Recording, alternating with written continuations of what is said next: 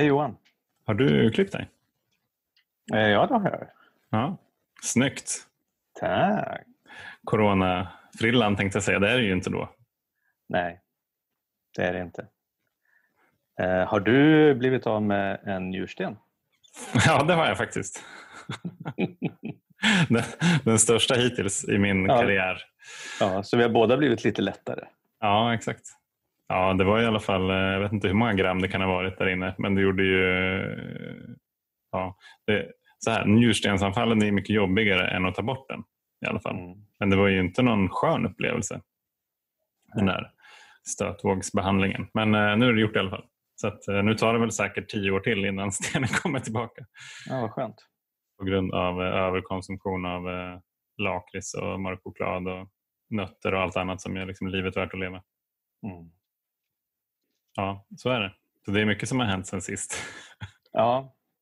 ja, jag har ju någon sån här efterhängsen halvförkylning som Mm. varken vill bryta ut eller försvinna. Det där är ju värdelöst. Ja, det är inte alls kul.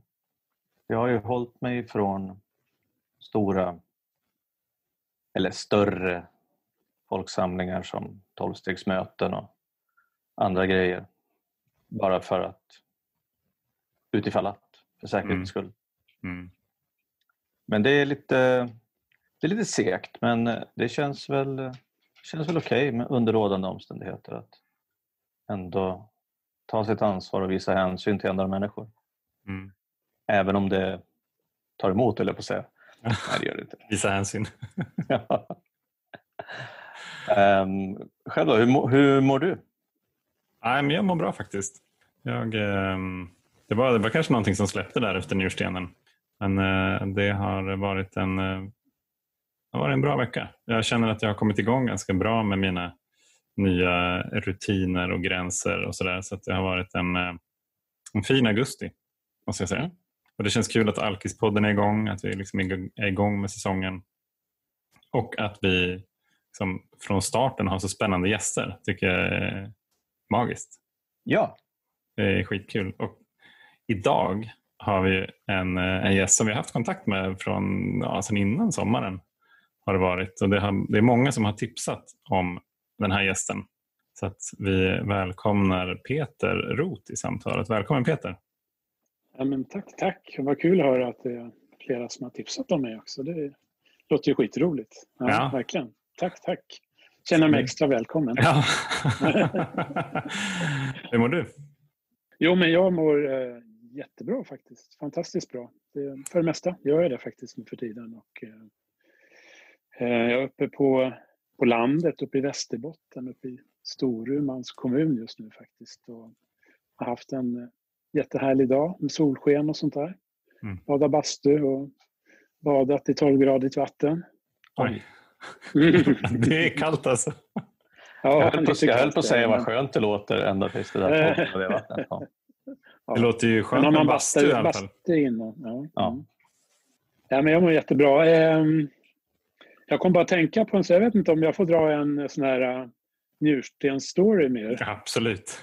Ja, jag, bruk, jag brukar nämligen dra den sådär. Jag kanske först ska presentera mig. Jag heter Peter och jag är alkoholist och narkoman och så är jag hiv-positiv och eh, homosexuell också. Det var det första jag sa på mitt eh, behandlingshem som jag hamnade på för jag var så trött att gå upp och bära på hemligheter. Ja, just det. Så, så jag la ut allting på första, på första gruppen liksom, så slapp jag gå och tänka på det sen. Så jag gör det nu direkt också. Då. Och perfekt. den, här, Skönt. ja, den här storyn handlar om att vara hiv-positiv och få njurstensanfall. Mm. Ehm, och jag har bara haft njurstensanfall en gång och jag tror det var från de hivmedicinerna som jag käkade då. Det här var kring eh, 2005-2006 när jag hade varit nykter ett par år. Så också. Jag var med min dotter och hennes första Eh, det måste ha varit senare, 910, 2010 eller sådär. Men skitsamma.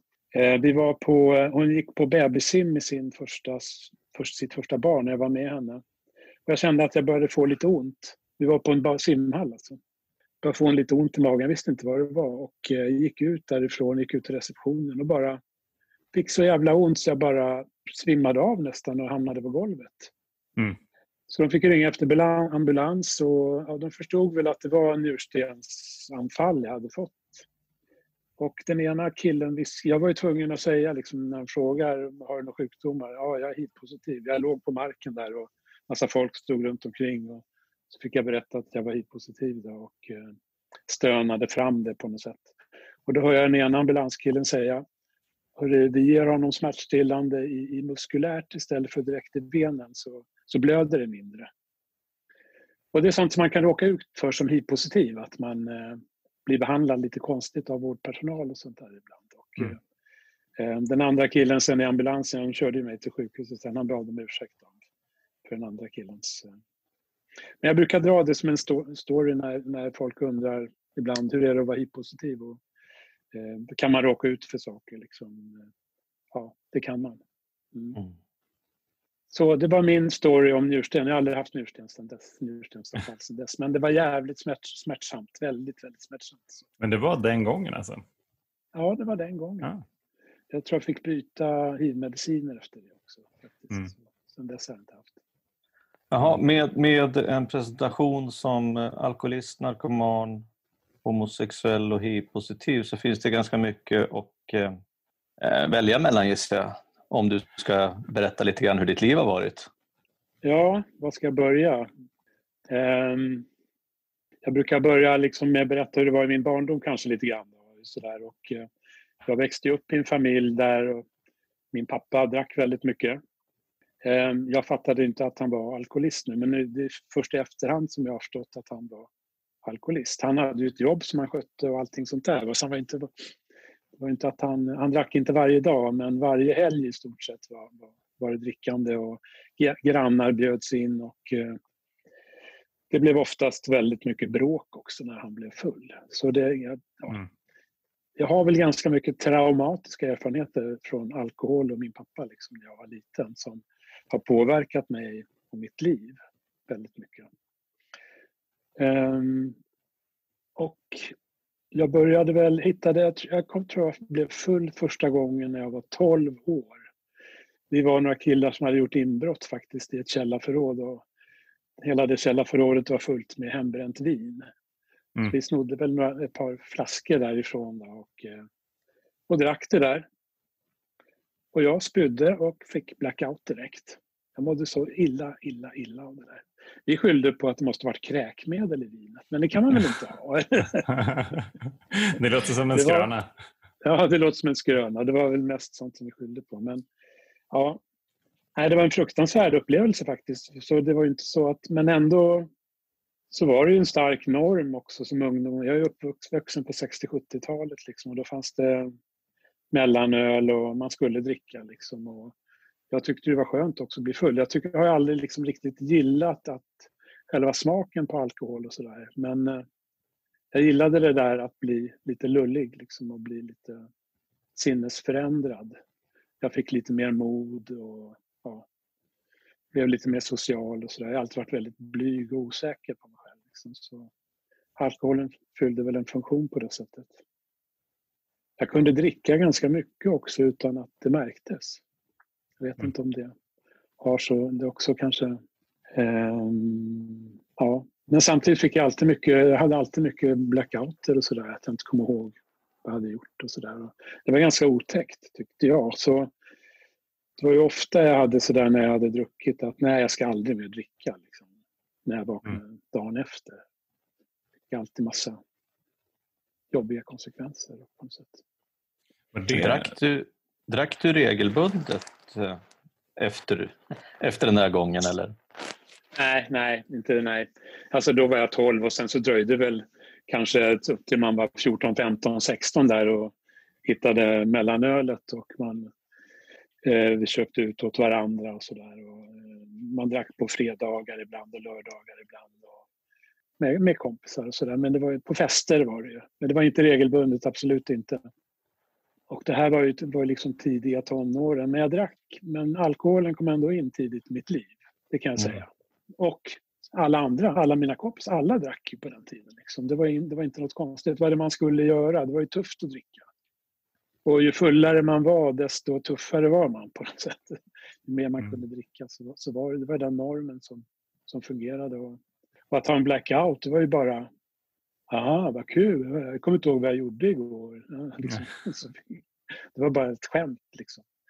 Man kunde ju Mm. skämta om alkohol. Det var innan, innan, innan det blev allvarligt. Liksom. Ja, Tänkte du, tänkte du någon gång på det alltså när du drack då på att din pappa också drack? Och han, att han blev våldsam?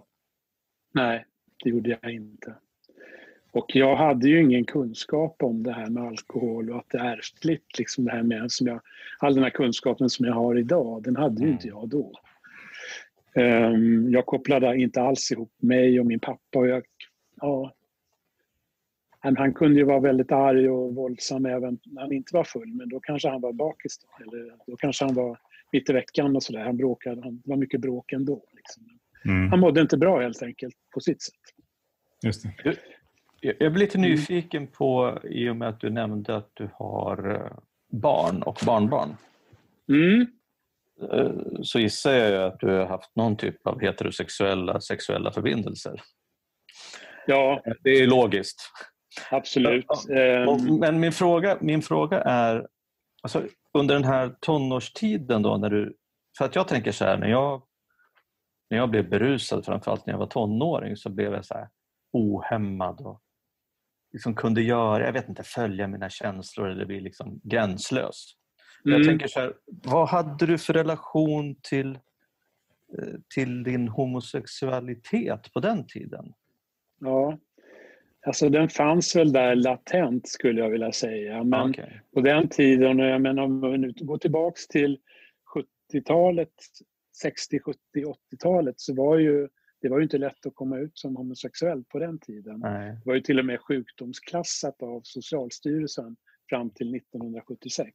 Ja. Så det var ju oerhört skamligt att, att om man hade tankar på homosexualitet eller, och det fanns Ja. ju absolut inga förebilder på den tiden heller.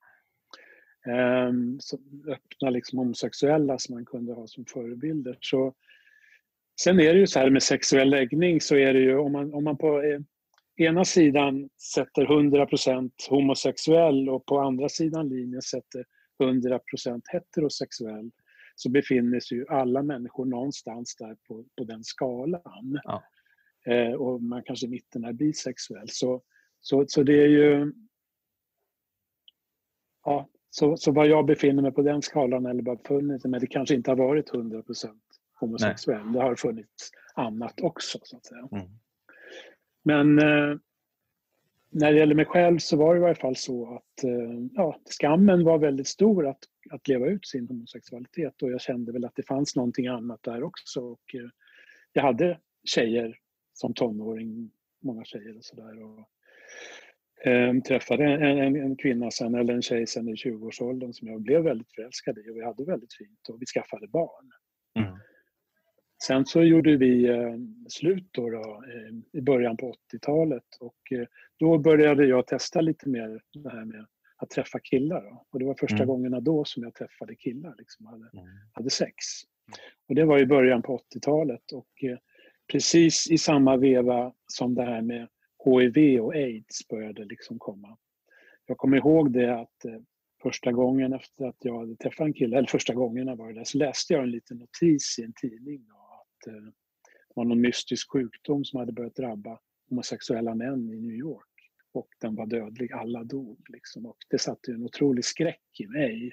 Mm. Jag hade ju min dotter som jag hade hand om också. Jag var ju livrädd att jag skulle dö och hon inte skulle ha någon pappa kvar. Så jag kom ut, mitt, kom ut som homosexuell mitt i värsta aids-hysterin kan man säga. Och det var jättesvårt att komma ut som homosexuell då också för alla gjorde ju kopplingen då att ja, om man var bög, homosexuell, då hade man aids. Mm. Mm, Att om man hade berättat att man är HIV aids, då trodde alla att man var bög. Det, fanns, det var den kopplingen som fanns Mm. i början. Liksom. Jag gick ju i gymnasiet då, första halvan på Mm. 80-talet och eh, eh, jag kommer ihåg den här... Alltså jag vill inte likna det med, med, med corona på något sätt men jag kommer ihåg att det var, det var ju en väldig, som du säger, det, liksom, det blev väldigt mycket panik och väldigt svartvita kopplingar Mm. och det var så att alla bögar hade aids och precis som du säger, alla som har aids var då bögar. Så att jag kan förstå att det var en, en jävligt omtumlande tid då. Eh, och har väl varit det egentligen sedan dess. Och det, det jag funderar på, liksom, använder du.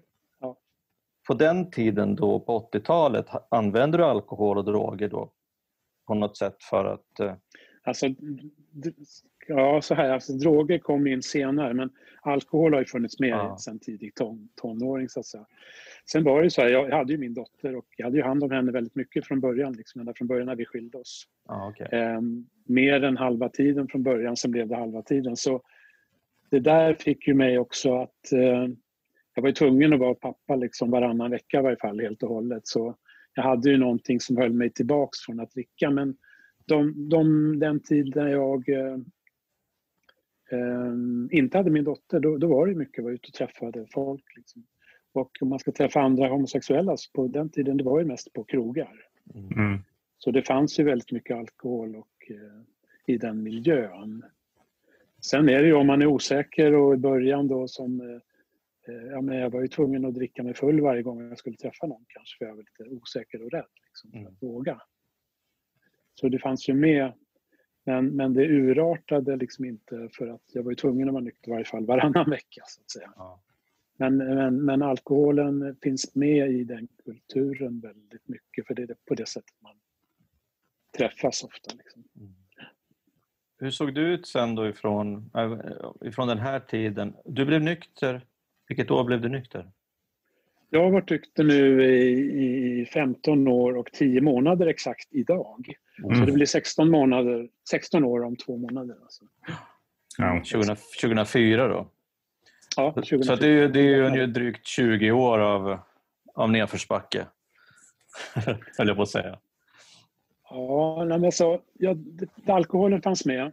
Sen hittade ju jag drogerna. Då. Det var ju mer i, i början på 90-talet. Då. Och, eh, hur det gick till, alltså det var ju så här. Jag, jag, jag, var ute, jag, hade, varit ute en kväll och festat eh, med min dåvarande kille och så hade vi särats åt och jag gick hem och jag träffade på en kille på gatan som, eh, som var narkoman som skulle sälja en tröja till mig. Och jag vet inte vad som flög i mig, men jag, jag, jag sa till honom att eh, eh fixar du drogerna så har jag pengarna. Mm. Och, eh, så vi gick runt hela den där natten och så han, fixade han fram amfetamin. Och, eh, jag tog det där amfetaminet och eh, det blev en sån stark upplevelse för mig. Det liksom tog bort all smärta, allt liksom. Jag blev social, jag kunde pladdra på, jag blev talför. Jag, min, min, jag har alltid haft lite social fobi och så där. Den bara försvann. Och, ja, det Mm. blev en riktig lyckoupplevelse faktiskt. Mm. Vilket du kan bli ibland när man tar droger. Eller alkohol är det ju för många eh, som det händer med också. Men för mig var det då när jag testade amfetamin första gången så blev det en otroligt stark upplevelse. Och dagen efter, eller ett par dagar efteråt när jag hade kommit ut ur det här ruset så jag sa till mig själv, jag kommer ihåg det, Peter du får aldrig mer testa det här för du kommer att bli narkoman. Eh, men sen, jag kommer inte ihåg hur lång, lång tid det tar, nästa gång jag kom i kontakt med det här så var det ju, då kommer jag bara ihåg det här positiva. Och Mm. tänkte att, nej men jag kan väl testa en gång till i alla fall. Mm. Ja. En gång Så, till. ja, och sen var, det var mitt mantra liksom under många år där. Nej, men bara en gång till. Och det är så Mm. det blir när man börjar bli narkoman eller en alkoholist. Så kommer ju den där tanken, nej men bara en gång till. Mm. Det är ganska intressant tycker jag så här, hur, hur, hur länge man kan testa någonting. Ja visst. Alltså så, alltså man, man kallar Mm, det fortfarande för att testa. Eh, det, det vet jag med mig själv också. Och den, Mm, det funkar ganska många år. absolut. Så att det är så här, ja, men jag ska testa det här och det kanske inte får samma effekt som förra gången. Det kanske var någonting som, eh, som inte såg rätt till då men nu är det annorlunda så nu testar vi och ser hur det går. Ja. Mm.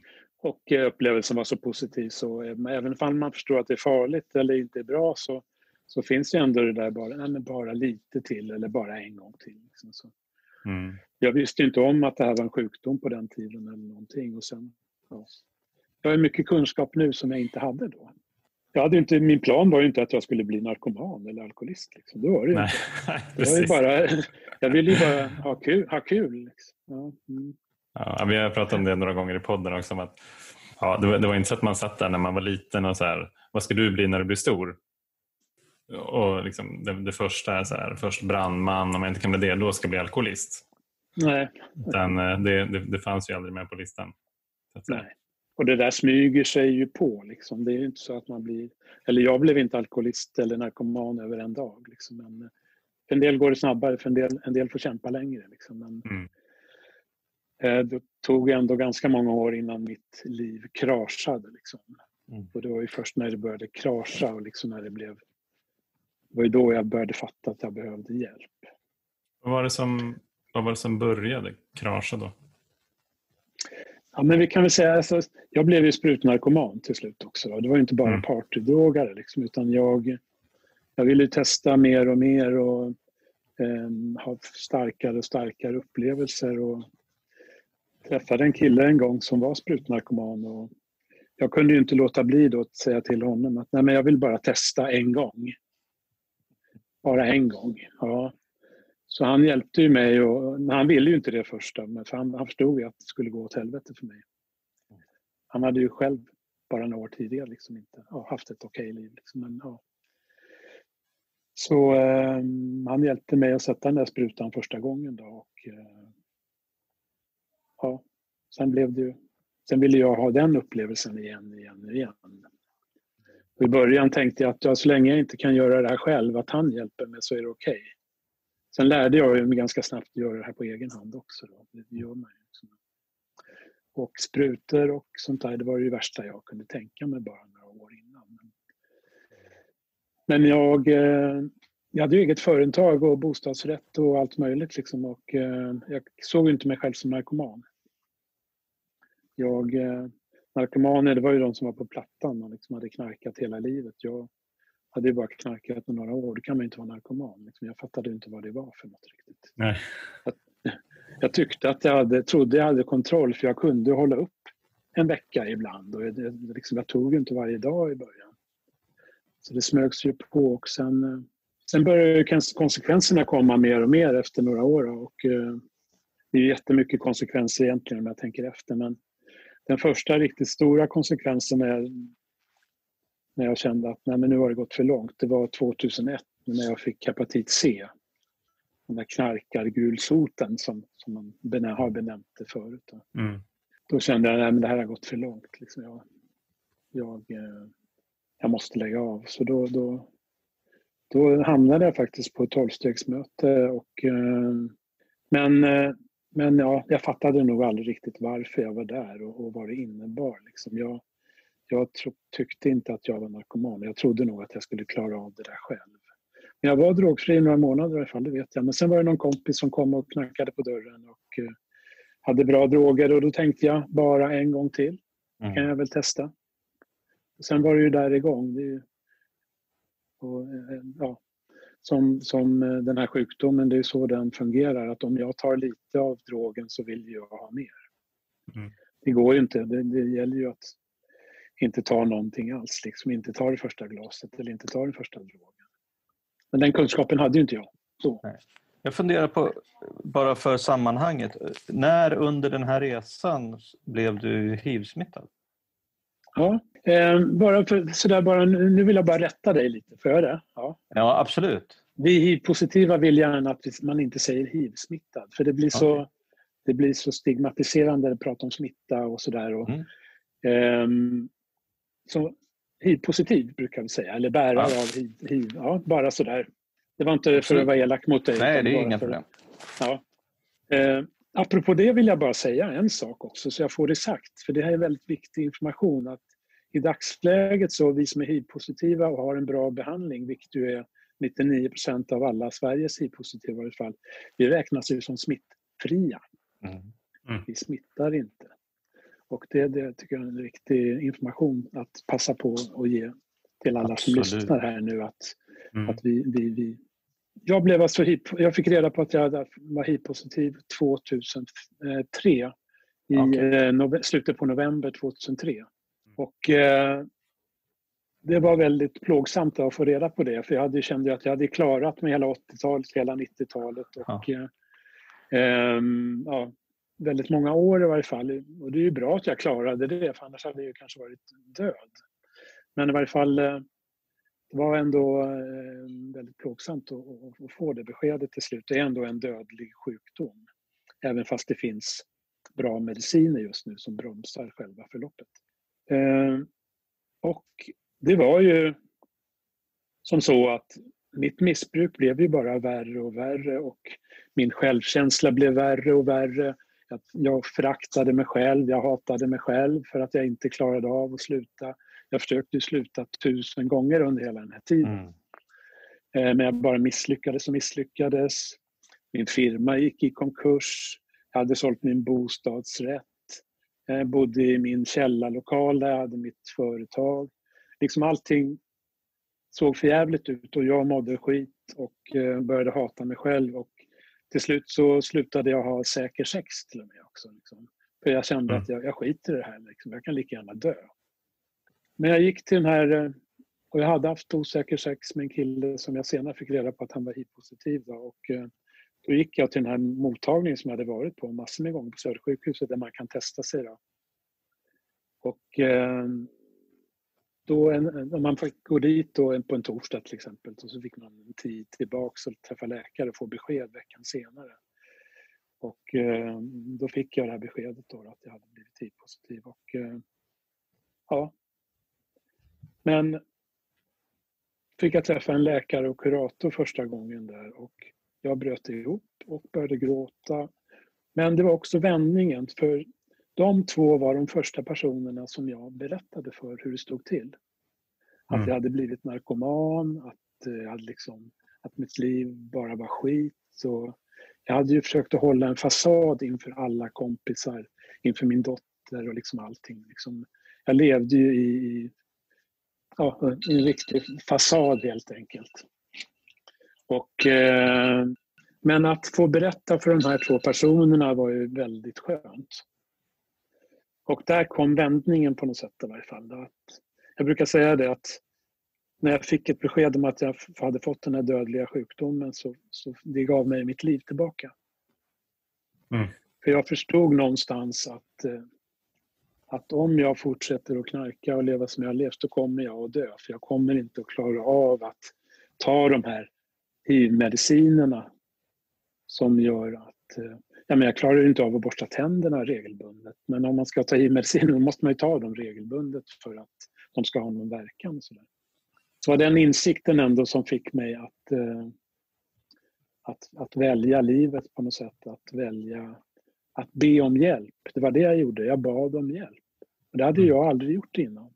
Jag trodde att jag skulle klara av det här själv. Mm. Var, det, var det dem du bad om hjälp då, de läkarna? Jag berättade för dem, nej det var inte riktigt, de hade ju inte den hjälpen de kunde ge. Men min dotter hade klippt ut en lapp till mig ett halvår eller ett år tidigare, jag kommer inte ihåg hur lång tid det var. Men där det fanns en lapp där det fanns en mottagning som tog emot homo och bisexuella män som hade problem med alkohol och droger. Mm. Hon hade klippt ut den och kommit och gett den till mig. Jag blev ju skitsur när hon gjorde det. Jag, jag tyckte jag, jag har inga problem med alkohol och droger.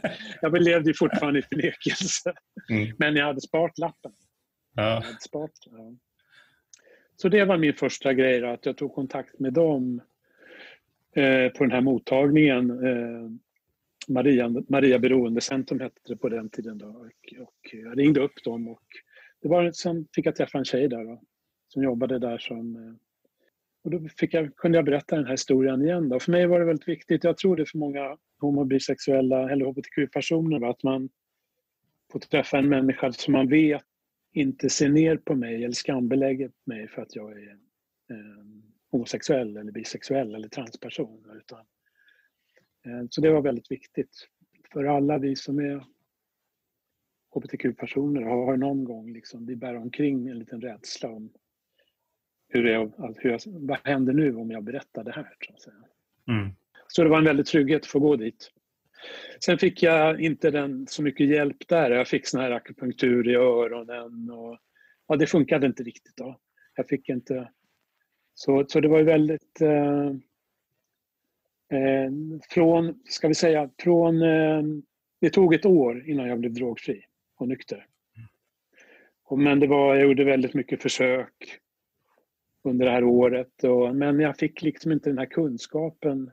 För det var hela tiden det här, jag lyckades vara drogfri en eller två eller tre veckor. Och sen kom den här tanken, ja men jag vill bara ta lite en gång till. Mm. Och sen var jag ju inne i det här ekorrhjulet igen, va, några månader eller några veckor. Och, och så kom det massa konsekvenser och så försökte jag igen. Så eh, det dröjde ända till jag hamnade på ett tolvstegsmöte där folk berättade lite grann om den här sjukdomen, hur den fungerar. Det var då, det var då jag blev nykter och drogfri först. Mm. Jag, jag, fick liksom professionell hjälp innan men inte... Det var ingen som hade berättat för mig innan att jag kan inte ta lite för då vill jag ha mer. Liksom. Den här fysiska allergin som man kallar i tolvstegsgrupperna. Mm. Det var ett väldigt plågsamt år det där sista för det var ju ständiga misslyckanden och allting bara blev värre och värre på något sätt. Jag sjönk mm. djupare och djupare ner i, i förtvivlan. Och, eh, mm. Sen var det när jag hamnade på ett möte då, när folk berättade hur de, de hade gjort. Det var då jag fick ett halmstrå att kanske kan det bli så för mig också. Vad fint mm. ändå. Det är ju det är någonting med den där sista, sista tiden, sista året eller sista halvåret. Är, vi har ju fått, fått träffa många både i podden men även på möten såklart. Och det känns som att det, går, det kan gå väldigt fort där på slutet. Och att det är en, det är liksom en, mm. en ganska brant rutschkana. Men, ja. men, men den måste man liksom ner för. Eh, för att bli villig att ta den där hjälpen eller eh, att gripa efter det där halmstrået som kommer på ett möte eller någonting. Mm. Jag brukar beskriva det som att jag befann mig i ett korthus och sen var det någon som ryckte undan ett kort och allting bara ramlade. Liksom där. Mm. Det var så snabbt det gick sista, år, sista halvåret. Mm. Mm, det sista året. Och det var det... på något sätt att jag eh, jag kände det som att jag befann mig i en film. Och jag förstod liksom vad som skulle hända om jag gör det här men jag kunde liksom inte stoppa filmen. Mm. Var, det, bara hände saker runt omkring mig. Jag kunde inte stoppa det. Liksom. Nej, precis. Mm. Det, där, det där känner jag också igen från. Jag kände det som att jag var inne i något så gigantiskt ekorrhjul på slutet som jag, jag ville stoppa det. Men jag var väldigt rädd för vad som skulle hända om jag fick stopp på det. Så det var, det var en ganska liksom dubbelsidig eh, rädsla. Och liksom rädd för att det skulle fortsätta att gå helt åt helvete. Att jag skulle förlora jobb och relation och bostad och allting. Mm. Men, mm. men samtidigt så var jag så här, jag var så rädd för vem jag skulle vara utan festerna för min del. Även ja. fast det inte, alltså det var ju inte fest något mer, men det var ju festen jag ville åt i alla fall. Mm. Det var den där chimären efter att, att bli lycklig på något sätt som, som eh, i varje fall jag trodde jag skulle kunna få. Liksom, på något sätt. Eller jag fick ju det genom drogerna. Jag vet ju att varje gång jag tog den här drogen så tänkte jag, när varje gång jag tog amfetamin och, så, tänd, så kände jag att nej, men det här kan jag inte leva utan. Mm. Men jag kan inte leva med det heller. Jag förstod det också. För det. Men eh, droger och alkohol är, det är så pass stark kraft som eh, som sätter igång i våra hjärnor. Liksom. Så det, det, är väldigt svårt att stå emot det där själv. Mm. Men hur var det då? Så du, du hörde några på ett möte som delade och delade om sjukdomen. Eh, vad, vad, hände sen då? Men innan där så var det, jag hade lärt känna en kille som var hiv-positiv och för detta narkoman. Och eh, eh han, han, han han var så jätteschysst. Jag umgicks med honom lite grann. Då, och mest, vi pratade mycket om det här med HIV och jag hade mycket frågetecken om det och sånt där. Så han hjälpte mig väldigt mycket på det. Och han försökte vid några tillfällen säga, men Peter ska du inte hänga med på ett möte? Liksom. Nej, nej, tänkte, tyckte jag. Jag hade, jag hade ju varit på ett möte ett par år innan. Liksom, men, mm. inte, ja, det var ingenting för mig kände jag. Jag vill inte, jag vill inte. Men han var så fin på något sätt. Han tog det väldigt varsamt. Och, till slut så kände jag att okej, okay, jag hänger väl med på ett möte då. Och eh, det var ju en riktigt bra upplevelse. Liksom, jag befann mig i ett riktigt mörker. Jag trodde ju, jag hade blivit hemlös också. Jag hade ingenstans att bo. Eller, Och jag var liksom sprutnarkoman och hade skulder upp över öronen. Jag hade liksom förlorat i stort sett allting. Och Mm. kände att jag kommer aldrig mer kunna skratta. Eller jag kommer, livet är bara ja, hur fan ska jag kunna ta mig upp ur det här? Bara skulder. Liksom. Men som sagt, det var att jag hamnade på det mötet och eh, eh, jag hade också dessförinnan gått till SOS och bett om hjälp. Jag hade, gick egentligen till dem för att be om att få pengar men eh, jag fick inga pengar för jag hade ju sålt en bostadsrätt eh, några år tidigare. De tyckte jag skulle ha pengar kvar från den. Liksom. Mm. Eh, ja, så då var jag sur och jag ville prata med någon annan. Då hamnade jag på hos en socialsekreterare och, på vuxensidan som hade hand om missbruk. Liksom. Det var också jag började berätta för honom hur jag hade det och han var jätteschysst också. Eh, jag hamnade på det här mötet eh, och sen skulle jag iväg, för jag kunde inte vara kvar i Stockholm. Jag hade ingenstans att bo och eh, jag behövde hjälp. Det fanns, jag hade en hund som jag älskade. Och det är, det är inga behandlingshem som tar emot människor med hundar. Liksom. Så det var också väldigt Mm. svårt att hitta, hitta någonstans. Ja. Jag sökte upp min brorsa och berättade, jag hade inte träffat honom på tio år, eller sånt där, min äldre brorsa. Och, ja, berättade för honom exakt hur det var, att jag blev hiv-positiv och narkoman och sånt där. Och att jag inte visste vad jag skulle göra riktigt för jag hade hunden och sådär. Så, men då sa han direkt att Peter, ta hand om dig så tar jag hand om hunden. Mm. Och det gav mig då möjlighet att åka iväg i varje fall. Men jag visste ingenting om behandlingshem så jag hamnade på ett arbetskooperativ. Och med den, eh, bra ställe för många, men eh, med den filosofin som de har, det är att man då ska liksom arbeta sig frisk ifrån beroendesjukdomen. Och, eh, ja, det funkade inte riktigt på mig då. För, för, ja, jag, jag hamnade där och var drogfri hela tiden jag var där. Men jag mådde fruktansvärt dåligt och eh, det var mycket bögskämt på det här stället och sådär. Jag kände mig väldigt Mm. otrygg, hade ingen att prata med och sådär. Men jag hade börjat gå på möten och eh, hade till och med skaffat mig en sponsor, för det gjorde jag på det här första mötet. För det var vad Mm. de sa att de hade gjort. De, hade skaff, de som hade fått ett bra liv, de hade skaffat sig en sponsor och jobbat i de här stegen. Liksom. Så jag skaffade en sponsor direkt och jag skaffade en tjej som sponsor för det kändes tryggare för mig som homosexuell att göra det. Hon hade kommit ut och hälsat på mig på, på eh, det här arbetskooperativet och vi hade börjat titta, hade börjat läsa A, stora boken och sådär.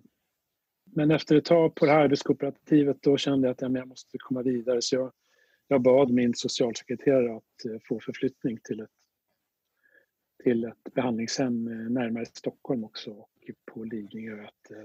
Så det blev att jag hamnade på ett tolvstegsbehandlingshem. helt enkelt. Och, men min första liksom nyktra och drogfria dag det var den 26 oktober och då hamnade jag på det här arbetskooperativet. Helt enkelt. Just det.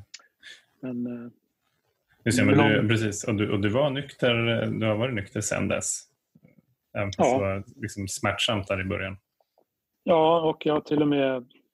Det har hänt saker, det var många saker som hände ett tag där så... Jag till och med, jag har, det var någon gång jag hamnade på psyket och sa till min sponsor, kan jag inte få ta lite lugnande i varje fall? Men eh, då sa hon till mig, försök att inte göra det. Så jag har inte ens tagit några slags sinnesförändrande substanser om vi säger så. Då, sen, sen den 26 oktober 2004. Hur, hur lång tid var du på behandling? Från med- början var det meningen i fyra veckor, men det blev ju tre och en halv månad. Alltså, men plus Ja. det här arbetskooperativet var tre månader. Så, eller fyra och en halv, sju och en halv månad sammanlagt. Ja. Och jag fick ju gå den långa vägen så att säga. Vi hade förlorat boende och allting. Va? Så det blev ju liksom... Hamnade ju på ett stödboende efter det. Ah. Okej. eh, i Stockholm och sådär. Och sen blev det träningslägenhet och försökslägenhet. Och, ja. det, var, det var, från att ha haft en bostadsrätt och alltid haft boende så, så föll jag ganska djupt om jag säger så. Ja, jag tänker på hur... Vad, vad hade du liksom för tankar om dig själv och ditt liv liksom under den här tiden då på, på behandlingen och sen på stödboende och träningslägenheten? Liksom, kände du att, trodde du att du skulle vara kvar där nere? Eller kände Ja, du att du var det på var- rätt väg? jag trodde ju att jag skulle vara kvar där nere då innan. Alltså det, det var, jag fattade inte hur jag skulle komma upp ur det här mörkret från Nej. början. Men sen när jag började gå på möten och, och började höra människors historier och det var människor som har haft det tio gånger värre än vad jag hade det, som kanske mm. har knarkat och supit sedan 12 och 13 års åldern, suttit på fängelse i 20 år och som ändå har lyckats skapa sig ett bra liv. Så, så fick jag ändå ett hopp om att det skulle kunna ske för mig också. Eh, så det var det där hoppet som, som mm. jag levde på. Sen hände det en del jobbiga saker som eh, gjorde att naturligtvis att tankar kom att jag skiter i det här och går ut och knarkar igen. Som jag ger upp. Men, men, men jag gjorde så här, jag kan säga det. När jag hamnade på behandlingshemmet så bestämde jag mig för att i, vad som än händer under tiden som jag är på behandlingshemmet så ska jag stanna kvar. Mm. Det var också ett av mina problem som jag haft i hela livet. Jag har aldrig slutfört någonting ordentligt. Mm. Och speciellt inte med en sån här tid när jag knarkade så, så alltså under väldigt många år så hade jag ett normalt, ja, normalt liv går inte att säga, men utåt sett ett normalt liv som hade ett jobb. Jag hade en egen företag, jag var grafisk formgivare, jag påbörjade massa projekt men jag slutförde dem aldrig. Jag lyckades aldrig slutföra dem, gick aldrig i mål. Och det tärde på min självkänsla väldigt mycket. Mm. Så var det jag bestämde mig för att vad som än händer under behandlingstiden så ska jag stanna kvar, jag ska hålla mig nykter så får vi se vad som händer. Och jag lyckades slutföra det. Det var första gången som jag lyckades slutföra någonting. I varje fall ja, nästan i, under mitt vuxna liv. Liksom. Um, och det gav mig en väldigt positiv känsla att, uh, att jag slutförde det. Mm. Och sen uh, tog jag väl ett nytt beslut efter det, att vad som än händer under den här tiden så ska jag hålla mig nykter och drogfri tills jag har gjort färdigt de här stegen. Och sen mm. får jag se vad som händer då. Jag hade lite delmål som jag satte upp för mig själv. Eh, och det är någonting som jag försökt hålla fast vid ända sedan dess. Att allting som jag påbörjar ska jag försöka slutföra. Till exempel den här boken jag har skrivit nu. Då. Jag påbörjade det och har också slutfört det nu. Och det är en otroligt skön känsla och stärker min självkänsla varje gång jag slutför någonting som jag har påbörjat. Ja, fan vad fint. Det är sånt här, det är sånt här mantra som jag har i bakhuvudet hela tiden. För det är klart det kommer tvivel ibland och man orkar inte ibland och sånt där. Men liksom ja. man då tänker jag, jag ska slutföra det. Jag tänker det, det, låter som du fick kämpa ganska mycket där i början med att eh, ja, dels att slutföra saker men, men fick du också kämpa med att hålla dig drogfri och, och nykter? Jag fick kämpa med mitt mående väldigt mycket. Jag var ah, okay. oerhört deprimerad och det var mycket som hände.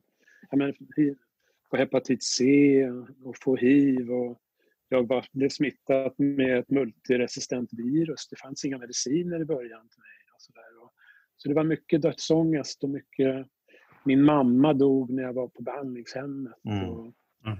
Ja, det var mycket, mycket skit som hände. Ja. Men det var också mycket positivt som hände. Men det var, jag fick ta mig igenom en hel del saker. Ja. Så det var mycket jag fick kämpa med, med mitt mående, med depressioner och eh, mitt mörker liksom, på något sätt. Ja. Mm. Sen blev det ju ljusare och ljusare liksom, och eh, dels ju längre jag var nykter och drogfri så blev det skönare och skönare. Sen hände det, det hände massa positiva saker. Jag, första grejen som var häftig när det hände det var ändå när jag var färdig på behandlingshemmet och fick komma till ett stödboende, även fast det, jag fick bo i en korridor men jag hade ändå ett eget rum. Bara det var ju liksom wow! Mm. mm.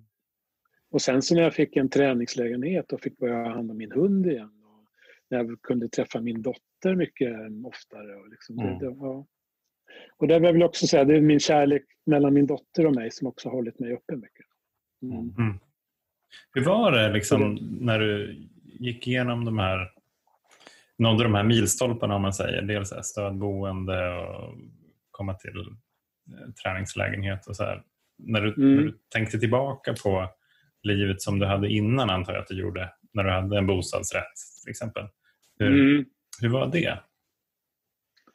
Ja, men det har ju funnits mycket skam och skuld kring det här och eh, det, det, var väldigt... Eh, jag har fått liksom också träna på det på något sätt att inte känna skuld och skam för det här. Mm. Ehm, och det, det, har ju tagit, det har ju tagit sina år, speciellt det här med lägenhet. på något sätt. Det var ju, jag har haft fina lägenheter, och lägenheter i Stockholm är inte så lätt att få tag på. Liksom. Men, men bara säga att jag har knarkat bort en bostadsrätt, det kan känna att ja, det är mycket skam som, som väcks. Mm.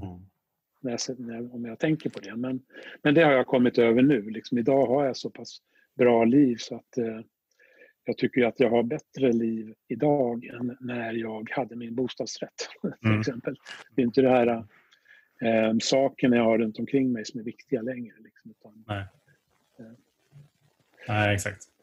Nej, Mm. men eh, upp, uppenbarligen så är det ju inte det som kan liksom, hålla oss eh, nyktra ändå. Det, det vet vi ju alla om, att det inte, nej, att det inte funkar. Så att, att livet var ju inte så bra som det såg ut på ytan ändå. nej.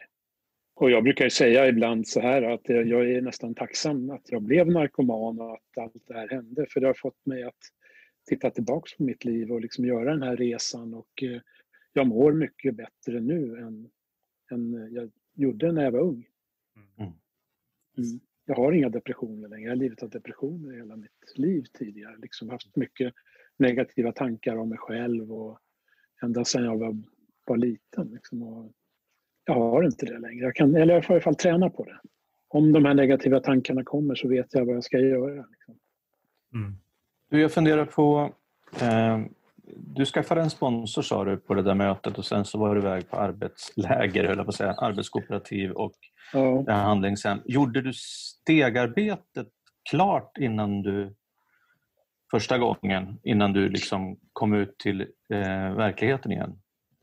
Nej. Eller hur, hur såg det ut? Alltså jag, eh, vi påbörjade, när jag var på arbetskooperativet så påbörjade vi det här arbetet, jag och min sponsor. Och han väl några steg, jag tror att jag började lite grann på fjärde steget. Mm. Sen eh, när jag var hamnade på tolvstegsbehandlingshemmet då sa vi att nej men det där får ta paus nu Okej. i varje fall. Sen, eh, sen var det när jag kom till halvvägshuset, som Ja. det heter, primärbehandlingen så, så var det fullt upp med annat. Liksom. Men Mm. när jag kom till halvvägshuset då fortsatte jag med stegarbetet direkt. Så att säga. Mm. Du berätta Så lite jag, jag, om din upplevelse av att göra stegen första gången? mm. Nej, men eh, min upplevelse är att det, det var ju lite jobbigt att ta sig igenom fjärde steget. Mm. Eh, När jag skriver fyra olika listor, harmlista, rädslolista, sexlista och skadelista. Mm. Det tog ju sin lilla tid att göra färdigt listorna. Eh, vad jag bestämde mig för medan jag gjorde det här, det var ju att... Eh, för det fanns ju saker som jag tänkte att det här vill jag aldrig berätta för någon. Nej. Men när jag gjorde listorna så, så bestämde jag för mig själv att jag ska vara ärlig mot mig själv och skriva ner exakt som det var. Och sen får jag väl se när jag ska berätta det här för min sponsor om jag berättar det eller inte. Då. Det, jag tar det beslutet då. Mm. Det var jag börjar med ärlighet mot mig själv. Mm. Och sen när det väl var att jag skulle berätta det för min sponsor i femte steget, då var det ju... Då hade vi fått en så bra relation, jag hade fått förtroende för henne och jag tog en chans helt enkelt och berättade allt precis som det var. Jag var fullkomligt ärlig med henne. Mm. Och ehm, kanske därför jag lyckats hålla mig nykter och drogfri också för lång tid. Jag vet Ja, inte. Men, nej. det är ju så här, ja, ju, om jag går bär på hemligheter så blir det ju att förr eller senare tar jag återfall, tror jag. Ja, hemligheter är farliga. Ja, de ligger där och gror och blir Ja. liksom dyrt. till slut. Ja. Hur, hur, men hur kändes det då efter att du hade lämnat över ditt femte steg till din, till din sponsor med alla hemskheter? Ja, alla hemskheter. I början var det lite jobbigt, men ehm, så här, jag kommer ihåg, jag hade gjort det här så satt jag på ett möte. Det här var nästan som en, ett andligt uppvaknande som man pratar om. där. Men jag satt på det här mötet och tittade på de här människorna runt omkring mig och så kände jag, fan jag älskar alla de här människorna. Mm. Det var första gången jag någonsin har känt det i hela mitt liv. Liksom, Ja. jag har alltid tyckt att människor så här, jävla skitstövel, jävla, ja, mycket så. Men här kunde jag ärligt känna att fan, jag känner kärlek. Liksom. Och det var ganska fantastiskt. Ja, så det, det, jag. var, det, det var min upplevelse av fjärde, femte steget. Det var det resultatet det gav. För jag kommer ihåg det mötet när det här hände. Liksom, det var som en uppenbarelse lite grann. Det är lite roligt här. Eh, Jag, eh, jag har fått ett textmeddelande här av, av en av en människa som en gemensam bekant till oss, eller vän. Som, eh, som du, som, han skriver så här att eh, du är en av hans favoritmänniskor i världen. Du har också varit hans behandlare. Ja, Eh, det och, vet jag vem vet. ja, och jag tänkte, jag, tänkte, jag tänkte också komma in på det lite grann. Alltså, du arbetar ju idag med, eller idag, du arbetar med eh, alltså, drog och alkoholmissbruk som eh, terapeut. Mm. Ja. Hur, hur gick den resan till? Mm. Ja, så när jag, när jag var färdig med, eh, med, med min behandling och sånt där, fick träningslägenhet, så skulle jag ut och börja försöka jobba igen. Och jag hade varit grafisk formgivare så jag hamnade på KRIS först, Kriminellas revansch i samhället och jobbade med deras tidning. Ehm, sen kände jag att jag kan inte vara kvar där och då hade jag lärt känna en kille som också gick på möten som homosexuell som jobbade på RFSLs förbundskansli. Mm. RFSL, alltså Riksförbundet för homosexuella, bisexuella och transpersoners rättigheter som de heter nu för tiden. Då. Ehm, och då fick jag ett jobb där. Jag fick lönebidrag och hamnade där. Ehm, och jobbade där i några år. Det var en fantastisk tid faktiskt. Men, men jag kände också att det här med att eh, jag hade börjat sponsra människor, hjälpa människor i programmet och jag kände att det betydde väldigt mycket för mig. Och, eh, RFSL har tyvärr en liten halvtaskig syn på det här med alkohol och droger. Så jag kände att jag kan inte vara kvar här. Och så sökte jag in på en utbildning till alkohol och drogterapeut på Tollare folkhögskola och kom in där. Mm. På den utbildningen. Det var ju jättemånga som söker dit. Så, men jag kom in och utbildade mig till alkohol och drogterapeut och blev klar 2010. Och har sedan dess jobbat då, mm, på olika ställen och idag jag har jag eget så jag jobbar ja, som konsult eller vad man ska säga. Mm. Ehm, Men den här personen, han, jag tror jag vet om det. Ja. Honom hade jag för några år sedan och eh, vi har blivit vänner nu idag också. Då. Så Ja. vi, är både vänner och eh, hans för detta behandlare. Mm. Och det känns ju fantastiskt när man får hjälpa människor att hitta den här eh, nykterheten och drogfriheten och se hur deras liv förvandlas och hur bra det blir. Liksom. Ja. Det är otroligt skönt. Det var en av, eh, en av frågorna som har kommit från eh, en av våra lyssnare som tyckte så här, wow vad du gör mycket saker för andra. Så här, hur, Mm. eller så här, hinner du ta hand om dig själv? Ja, idag gör jag det. Det har väl varit perioder då det har varit lite för mycket egentligen. Men eh, idag så är jag ganska noggrann med att ha egen tid. Och, eh, jag, har ju också, ja, jag har min dotter och barnbarnen som jag vill umgås med. Jag har mina hundar och liksom sådär. Så, och jag har Mm. min sambo också. Så, eh, men det som har hjälpt mig väldigt mycket för att eh, det här med meditation. Då. Mm. Jag är också mindfulnessinstruktör och eh, försöker meditera väldigt mycket. Och det ger mig bra återhämtning.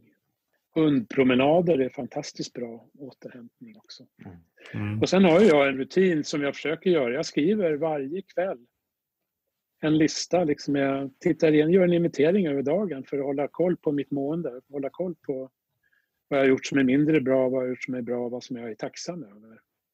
Mm. Och det håller ju mig eh, flytande på något sätt. Det håller mig... Det här med att må bra, det, det är ju, det är ju en eh, färskvara. Liksom. Jag behöver ju ha koll på den hela tiden. Hålla koll på mig själv så jag inte går in i väggen. Jag har varit inne i väggen ett par gånger. Liksom. Eller en gång i alla fall. Mm. Har du, apropå rutiner, så är det, där, det är väldigt intressant. Ju. Mm. Ehm, vi, menar, vi pratar ju ofta om att det är ett, liksom ett dagligt andligt handlingsprogram. Att det handlar om så här, de sakerna som vi gör varje dag.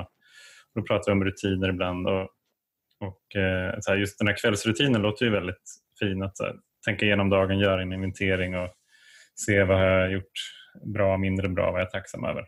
Har du någon Mm. morgonrutin också som du kan dela med dig? Ehm, om jag ska vara ärlig så har jag inte det nu för tiden direkt. Men jag har ju haft det under väldigt många år. Så att säga. Mm. Men eh, jag försöker ju att... Det meditationen är ju egentligen min morgonrutin på något sätt. Att eh, försöka ha den på morgonen innan jag gör någonting mer för att ställa in mitt fokus. Men jag har ju också en... Eh, ja, det finns ju en tredje stegsbön helt enkelt. mm. i, i, programmet. Mm. Som där jag kan liksom ställa in min, min, min kompass. Att, eh, att, det inte, att, att är mitt ego inte ska gå igång. Liksom, utan att jag får lämna över det här till någon annan. En högre mm. makt. Det, det, funkar ganska bra också. Det har jag ju som en morgonrutin. Eller när som helst under dagen när jag känner att, att jag börjar tappa fokus på liksom någonting. Det börjar hända jobbiga saker. Då, då har jag det här att ta till. Liksom. Mm. Det finns ju mycket verktyg i det här tolvstegsprogrammet som man kan ta till. Mm. Hur, hur gör du under dagen för att komma ihåg att det är det du ska göra? Nej, men ofta är det ju, kan vi säga så här, oftast är det ju när det händer någonting knäppt, det är då jag kommer ihåg kanske att, ja visst ja, det är ju det här jag ska göra. Mm. Någon, någon konsekvens eller någonting, att jag blir arg eller ja visst det är det här jag ska göra. Mm. Jag möter någon, någon person som, ja, livet är ju som det är. Liksom. Det finns människor runt omkring en som man måste hantera. Det finns problem som dyker upp som man måste hantera. Och det är väl när, när jag upplever att det blir problem, det är då kanske jag kommer ihåg vad jag ska göra också. Men det är den här kvällsrutinen som jag försöker hålla fast med allra mest. Och sen så, det här med meditation, det kan jag göra när som helst under dagen när jag känner att jag behöver. Det är roligt att just den där, de där tre grejerna fick jag som kvällsrutin av min första sponsor. Mm. Eh, jag har gjort bra. Alltså, vad, vad, skulle jag kunna göra bättre och vad är jag tacksam för?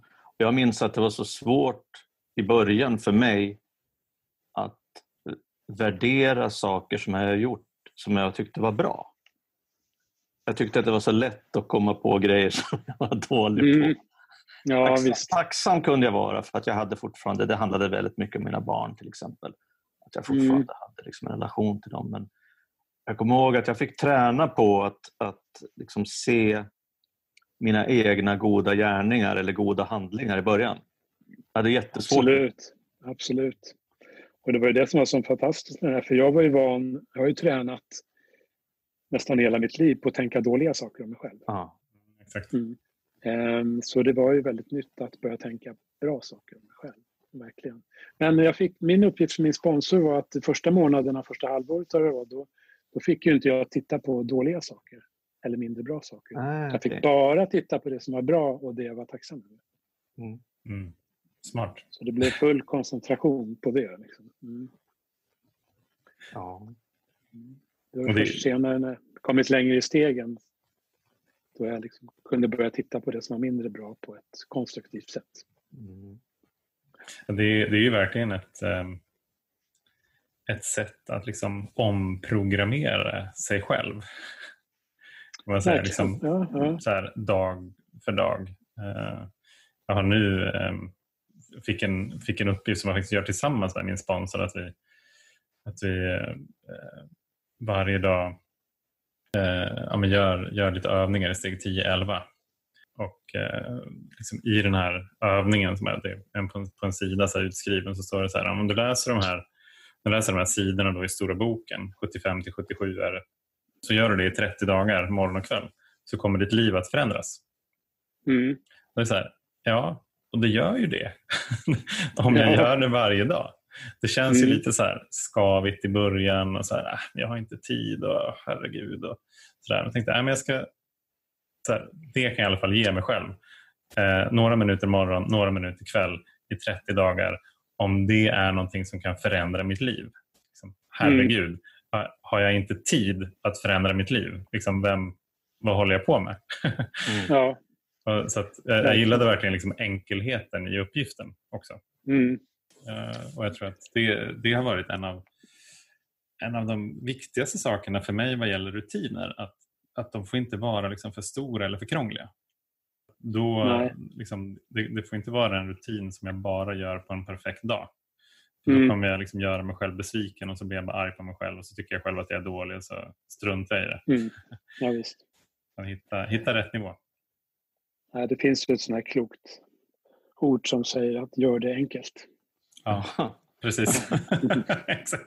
Men vad roligt att vi börjar prata om det här för att alltså, tiondestegstexten i, i Stora boken det är ju förmodligen ja, en av i alla fall mina favorittexter.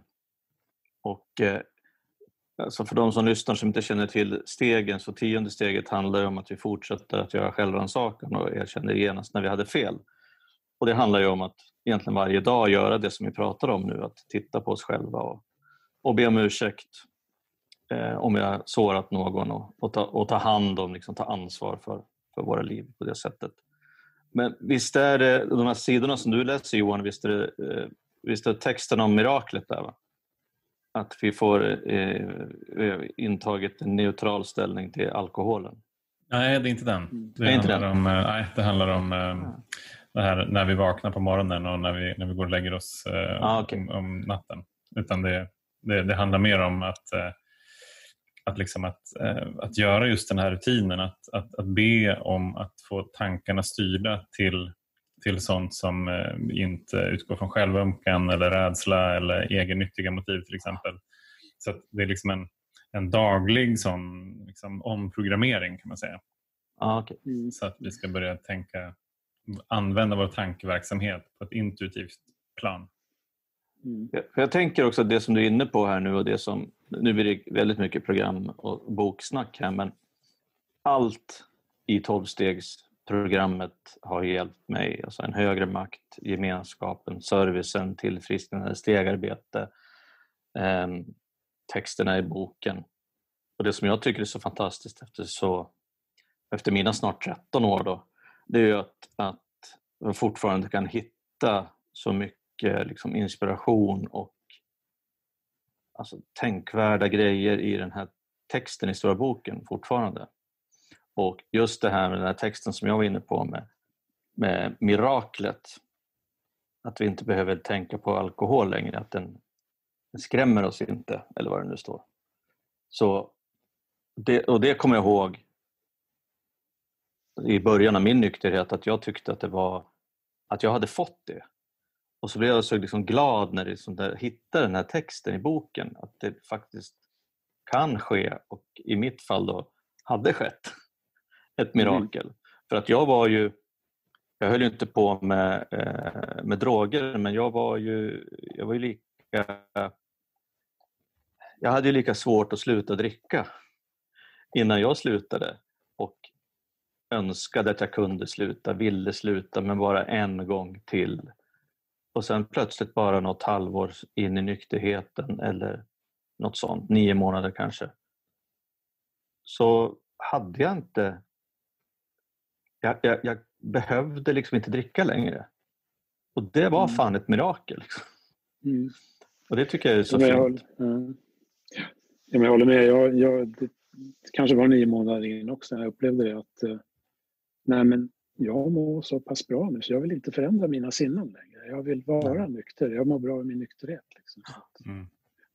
att, slippa ha den här tanken att vilja ta något för att förändra. Någonting, liksom. Och på, tal om, om, och på tal om texter och böcker så kan du väl berätta, du kan väl berätta lite grann om din bok? Mm. Hur, ja, hur föddes gärna. tankarna kring den? Tankarna kring den föddes, så här var det, när jag, i början på min nykterhet så gick jag mycket på en organisation också som heter Noaks ark som är till då för en organisation för hiv-positiva. Mm. Eh, och efter ett tag så började de, frågade de om jag kunde börja föreläsa lite och för deras eh, eh ja, sådana som kommer dit och ska föreläsa. Eh, så jag började föreläsa om HIV då, och eh, så jag tog, blandade ihop faktakunskap med mitt liv också, min resa. Mm. Och folk blev berörda och det blev väldigt bra och sådär och då föddes tanken, fan jag har ju, jag har ju redan en story klar, jag skulle kunna skriva ner den. Eh, men det tog några år ändå. Också var det en kille som kom till Noaks ark, Emil hette han som var där som volontär och han startade en manusskrivarkurs. Och på den kursen fick jag verktygen till hur jag skulle gå vidare. Så, mm. och det var väl typ 2011, 2012 tror jag. Så det var då jag började skriva på min historia. Och så det har tagit ganska många år.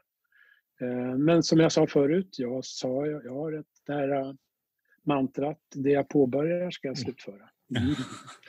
Och det är en fantastisk får, känsla. Får vara försiktig. ja, alltså om jag märker att det är något dåligt så ska jag inte slutföra det. Men, eh, men det var ändå en bra, en bra grej. Liksom. Jag ville få ja. det här färdigt. Liksom. Eh, men det har tagit många år att få det färdigt. Boken handlar ju då, den tar avstamp i, i eh, min, när min dotter föds 1980 och hur det Mm. kändes och hur jag tänkte då. Och sen vidare om det här när hiv och aids kom. Så mycket handlar det om eh, en- röd tråd är ju hiv och aids eftersom jag själv Mm. hamnade i det sen till slut. Men också de upplevelser som jag hade som homosexuell på 80 och 90-talet. När det här fortfarande var en dödlig sjukdom och när många vänner, bekanta runt omkring mig som dog. Mm. När man var människor, killar som var 25-30-årsåldern som dog. Liksom. Mm. Ja, det var ändå 3000 människor i Sverige som dog av det här. Och sen går det vidare då, hur jag hamnar i, i testa, börja testa droger och under de här, eh, vad ska vi säga, det var väl ungefär fyra, fem år där på slut, fem, sex år kanske som det var väldigt illa då, liksom när jag började bli sprutnarkoman. Och saker som jag var med om där. Och sen hur jag blev hiv-positiv. Då. Så boken heter ju Livet, hivet, döden. Sen har jag då en liten underrubrik som heter En personlig berättelse om ett dödligt virus, ett dödligt missbruk och om kärleken till livet. Mm. Det finns också mycket kärlek i boken och mycket, det handlar mycket om min dotter. Då, liksom kärleken som jag har till henne och som ändå tror jag har räddat mig på något Mm. sätt. Och hennes kärlek till mig också som fått mig att vilja fortsätta att kämpa. Och sen handlar det mycket om tillfrisknandet också. Då. Hur, hur, liksom vad som hände efter vad jag har gjort. Och, ja, jag har fått varit med om mycket roliga saker också. Så det, Ja. Speciellt i tillfrisknandet. Då. Men Vilken- även innan så hade jag... Mm, Vilken resa. Ja, verkligen. ja, Du, det har, vi har ju pratat på här ganska bra så att eh, tiden rinner iväg. Jag tänkte höra med Johan, vad, vad tänker du på där i mörkret? Ja, men det, det har liksom blivit mörkare och mörkare här inne. Jag, sitter, eh, det, jag, behövde inte, jag behövde inte lampan när vi började. Men jag, jag sitter och eh, reflekterar just över att eh, jag har inte läst boken än, men är väldigt nyfiken på att göra det. Så att den ska jag ta och beställa. Och Sen så tänker jag också på, jag satt och reflekterade över alla de här sakerna som jag inte hade eh, avslutat i min aktiva period. Och eh, jag fick någon så här, här ketchup-effekt. Att jag bara började avsluta grejer när jag blev nykter. mm, Och jag hade någon så här, det var liksom en renovering hemma, det var superkallt och det var inte så isolerat och bra. Och så här, vi frös varje vinter och så här, så här, ja, men näst, nästa år ska jag fixa det där och det, det kommer bli bra. Liksom. Men sen så gjorde, tog jag aldrig tag i det. Och det var nog det första jag gjorde när jag blev nykter. Så här, började planera för det där. Och så. Och sen så hade jag heller inte avslutat mina studier helt i Linköping. Jag hade någon så här en halv poäng kvar eh, och liksom inte brytt mig om att ta ut examen. Jag bara skitit i det där när jag var, när jag var aktiv och tänkte äh, att det där det får väl vara. Liksom. Men eh, det var också en sån grej som jag tog tag i. Så jag var nere på en, eh, nere på en, på en diplomeringsceremoni i Linköping och var väl så här 12 år äldre än alla andra. Och, mm. Eh, och, eh, det var en, en, en, där, en gammal lärare till mig som, eh, som var så här, men gud vad kul, är du här med din lillebror eller lilla syster? Nej, det är jag som... tar." ja, så han, han blev lite sur på mig tror jag faktiskt. Men det gjorde ingenting tyckte jag. Nej, men sen fantastiskt att få höra liksom, resan. Jäklar vad mycket du har varit med om. Och att vi kan eh, Sen älskar jag att prata om lösningen.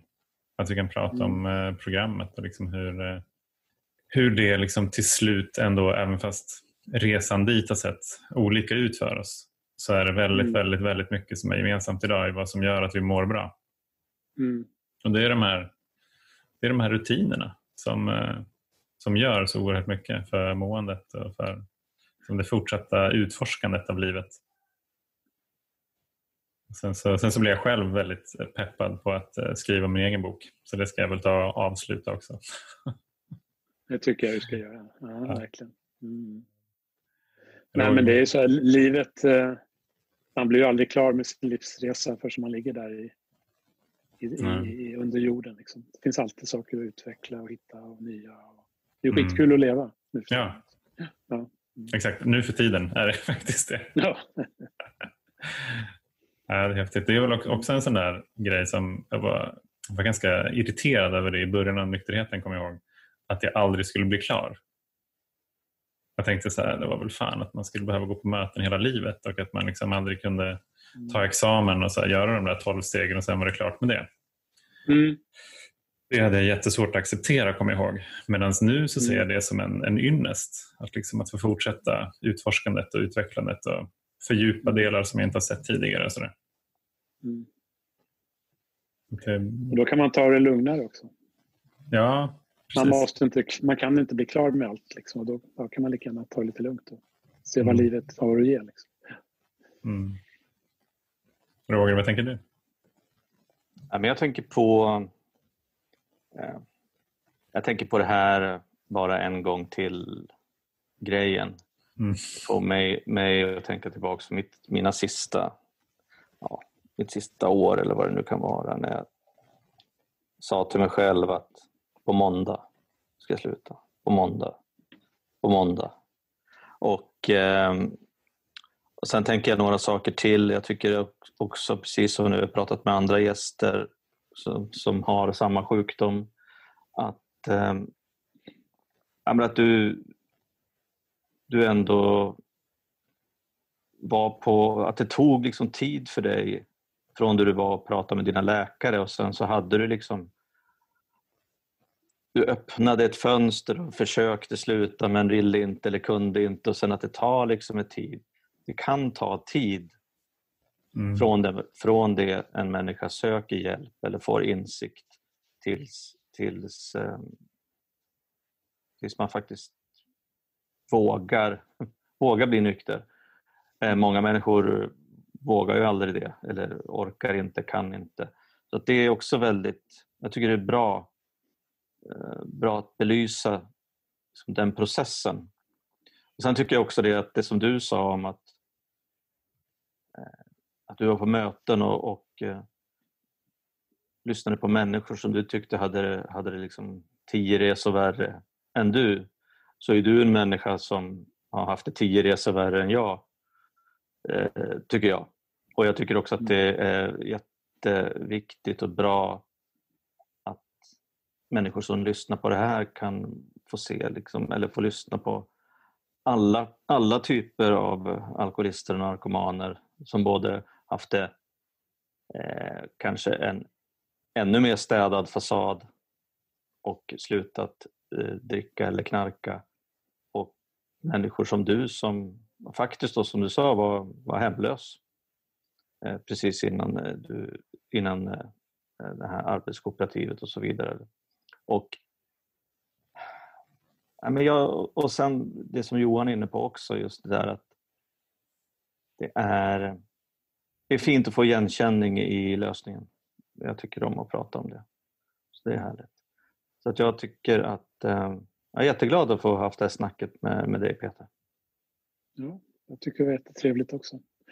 Och um, en av anledningarna till att jag skriver boken det är ju att jag vill visa på att det är aldrig för sent och det är aldrig eh, hopplöst. Det finns Nej. alltid hopp. Liksom. Alla kan förändra sitt liv. Det är det där hoppet ju. Det där som man inte Mm. tror att det finns när man är där. Nej. På den där, på den där brantaste delen av den där rutschkanan på väg ner mot botten. Eller man Ja. kanske är på botten i alla fall. Mm. Eh, Vad är dina reflektioner Peter från samtalet? Ehm, ja, dels så känns det jättekul att ha lärt känna er. Det känns som jag har lärt känna er lite grann Mhm, under det här mm. samtalet. Så att, det känns jättekul. Ehm, och ehm, ja, jag skulle kunna sitta och prata om det här i tre timmar till egentligen. Ja. Men, men, men, men ehm, allting har sin tid och tiden går fort när man sitter Mm. så här och, och diskuterar. Det känns som vi har haft ett, ett bra samtal. Mm. Sen finns det ju väldigt mycket mer, mycket mer att säga också, men man blir aldrig riktigt klar. Liksom. Utan det, jag hoppas att jag ska kunna komma ut och föreläsa och prata om det här också. Och, eh, ja, jag har en del sådana planer. Trots, sen händer det här med corona också då, men som Mm. har satt en del krokben. Men, men det här är jättebra med poddar Mm. Verkligen. kan lyssna på. Mm. Mm. Någonting mer du skulle vilja skicka med till lyssnarna? Det, liksom det sista det var ju så här, alltså, hoppet tycker jag är väldigt fint. Ja. Jag tänker så här bara, får jag säga så om man vill kontakta mig, dels kan man ju läsa boken men också jag har en hemsida som man kan gå in på och Mm. skicka meddelanden om man Mm. vill som heter Mitt företag heter Humanimalis. Um, alltså, jag jobbar både med människor och hundar. Då. Humanimalis och min hemsida heter www.humanimalis.se. Mm. Eller också kanske man kan skicka ett meddelande till er så kan ni förmedla kontakten. Eller? Ja, ja, absolut. Självklart. Det där upp- upprepa mantrat. Eh, slutför det ni påbörjar. Ja. Mm. Ja, men då ska, vi, då ska vi se till att slutföra den här poddinspelningen här nu då. Mm, jag sitter liksom och snurrar på så här, snurrar i huvudet. Vad är det jag har påbörjat som jag inte har slutfört? Ja. Skriv en lista. Skriv en lista. Ja, precis. Skriv en lista. Ja, jag ska göra en inventering här snart. Ja. Äh, härligt. Tack så jättemycket Peter för att du ville vara med i, i samtalet och att du ville dela med dig så fint som du gjort. Toppen. Tack. Tack snälla ni för att ni driver den här podden. Skitbra. Mm. Mm, tack. Och Roger, från vår sida så äh, återstår det väl att önska en trevlig helg. Och äh, tack alla som fortsätter att mejla till oss och, och ni som är nya till podden. Vi har fått många nya lyssnare vilket är jätte, jättekul. Välkomna till vår lilla Alkispodden-gemenskap. Vi finns på alkispodden.gmail.com och även på Instagram och Facebook under Alkispodden.